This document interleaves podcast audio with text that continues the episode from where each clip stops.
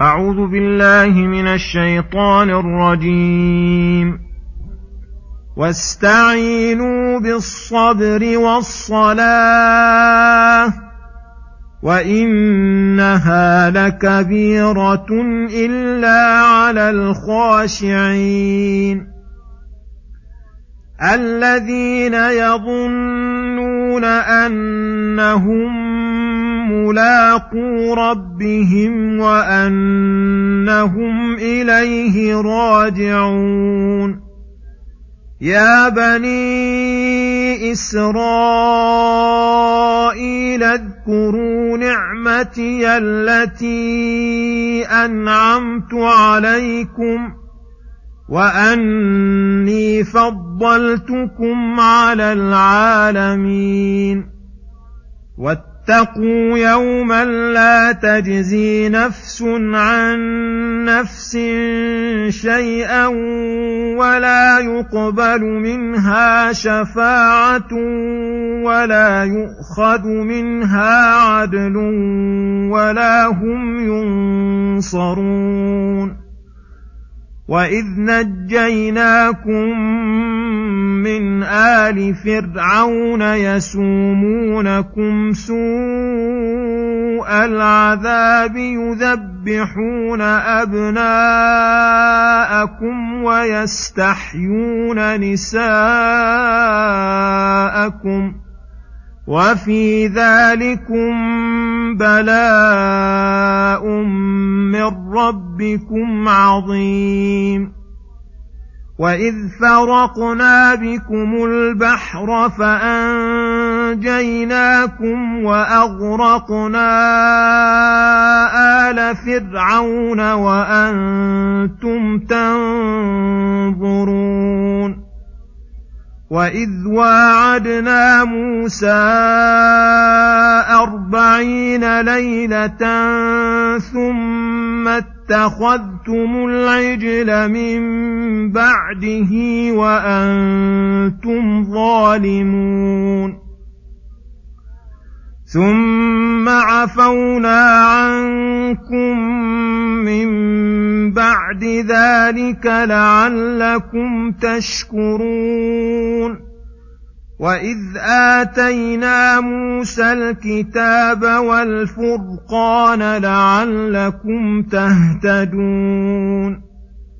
واذ قال موسى لقومه يا قوم إنكم ظلمتم أنفسكم باتخاذكم العجل فتوبوا إلى بارئكم فتوبوا إلى بارئكم فاقتلوا أنفسكم ذلكم خير لكم عند بارئكم فتاب عليكم.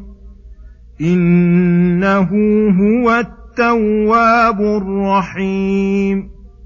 وإذ قلتم يا موسى لن نؤمن لك حتى نرى الله جهره فاخذتكم الصاعقه وأنتم تنظرون ثم بعثناكم من بعد موتكم لعلكم تشكرون وظللنا عليكم الغمام وانزلنا عليكم المن والسلوى.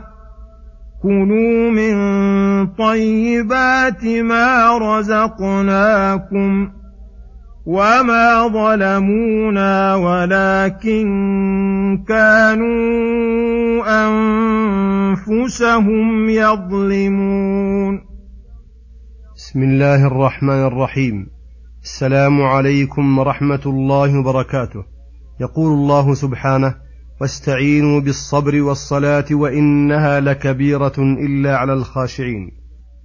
أمرهم الله أن يستعينوا في أمورهم كلها بالصبر بجميع أنواعه وهو الصبر عن معصية الله حتى يتركها والصبر على أقدار الله المؤلمة فلا يتسخطها فبالصبر وحبس النفس على ما أمر الله بالصبر عليه معونة عظيمة على كل أمر من الأمور ومن يتصبر يصبره الله.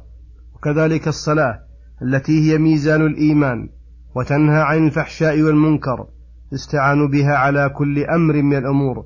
وإنها أي الصلاة لكبيرة أي شاقة إلا على الخاشعين. فإنها سهلة عليهم خفيفة لأن الخشوع وخشية الله ورجاء ما عنده يوجب له فعلها. منشرحا صدره لترقبه, لترقبه للثواب وخشيته من العقاب.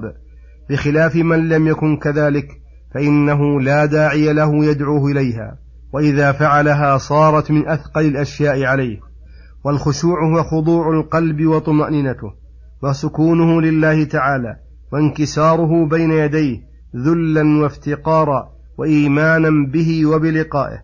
ولهذا قال الذين يظنون أي يستيقنون أنهم ملاقو ربهم فيجازيهم بأعمالهم وأنهم إليه راجعون فهذا الذي خفف عليهم العبادات وأوجب لهم التسلي في المصيبات ونفس عنهم الكربات وزجرهم عن فعل السيئات فهؤلاء لهم النعيم المقيم في الغرفات العاليات ومن لم يؤمن بلقاء ربه كانت الصلاة وغيرها من العبادات من أشق شيء عليه.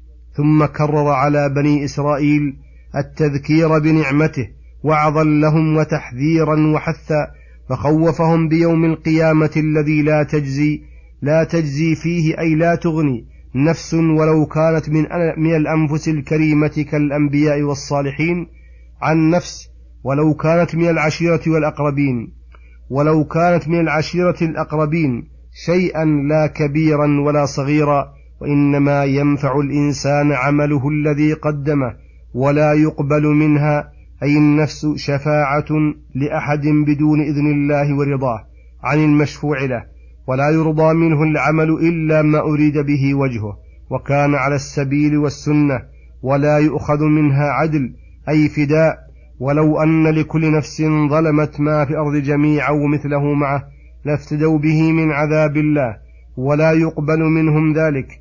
ولا هم ينصرون أي يدفع عنهم أي يدفع عنهم المكروه.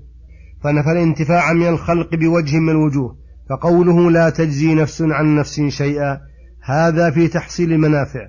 ولا هم ينصرون هذا في دفع المضار فهذا النفي للأمر المستقبل به النافع. ولا تقبل منه ولا تقبل منها شفاعة ولا يؤخذ منها عدل. هذا نفي للنفع الذي يطلب ممن يملكه بعوض كالعدل أو بغيره كالشفاعة. فهذا يوجب للعبد أن ينقطع قلبه من التعلق بالمخلوقين لعلمه أنهم لا يملكون له مثقال ذرة من النفع وأن يعلقه بالله الذي يجلب المنافع ويدفع المضار فيعبده وحده لا شريك له ويستعين على عبادته.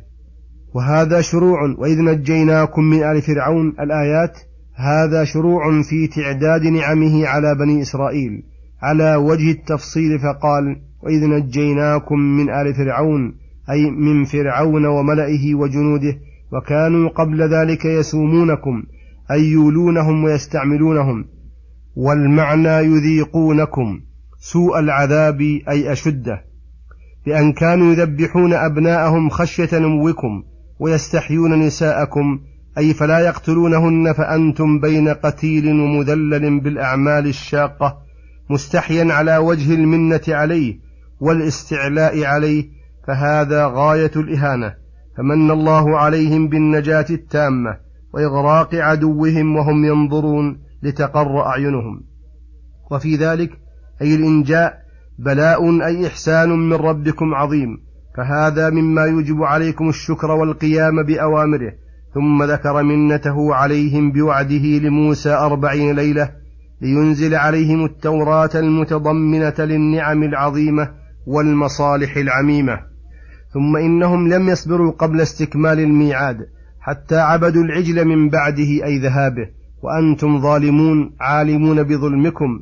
قد قامت عليكم الحجة فهو أعظم جرما وأكبر إثما. ثم إنه أمركم بالتوبة على لسان نبيه موسى لأن يقتل بعضكم بعضا فعفى الله عنكم بسبب ذلك لعلكم تشكرون الله وإذ قلتم يا موسى لن نؤمن لك حتى نرى الله جهرة وهذا غاية الجرأة على الله وعلى رسوله فأخذتكم الصاعقة إما الموت أو الغشية العظيمة وأنتم تنظرون وقوع ذلك كل ينظر إلى صاحبه ثم بعثناكم من بعد موتكم لعلكم تشكرون.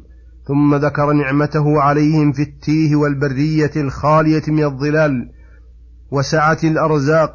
فقال وظللنا عليكم الغمام وأنزلنا عليكم المن وهو اسم جامع لكل رزق يحصل بلا تعب ومنه الزنجبيل والكمأة والخبز وغير ذلك. والسلوى طائر صغير يقال له السمانة طيب اللحم فكان ينزل عليهم من المن والسلوى ما يكفيهم ويقيتهم. كلوا من طيبات ما رزقناكم أي رزقا لا يحصل نظيره لأهل المدن المترفهين. فلم يشكروا هذه النعمة واستمروا على قساوة القلوب وكثرة الذنوب. وما ظلمونا يعني بتلك الأفعال المخالفة لأوامرنا لأن الله لا تضره معصية العاصين. كما لا تنفعه طاعات الطائعين ولكن كانوا أنفسهم يظلمون فيعود ضرره عليهم وصلى الله وسلم على نبينا محمد وعلى آله وصحبه أجمعين وإلى الحلقة القادمة غدا إن شاء الله والسلام عليكم ورحمة الله وبركاته.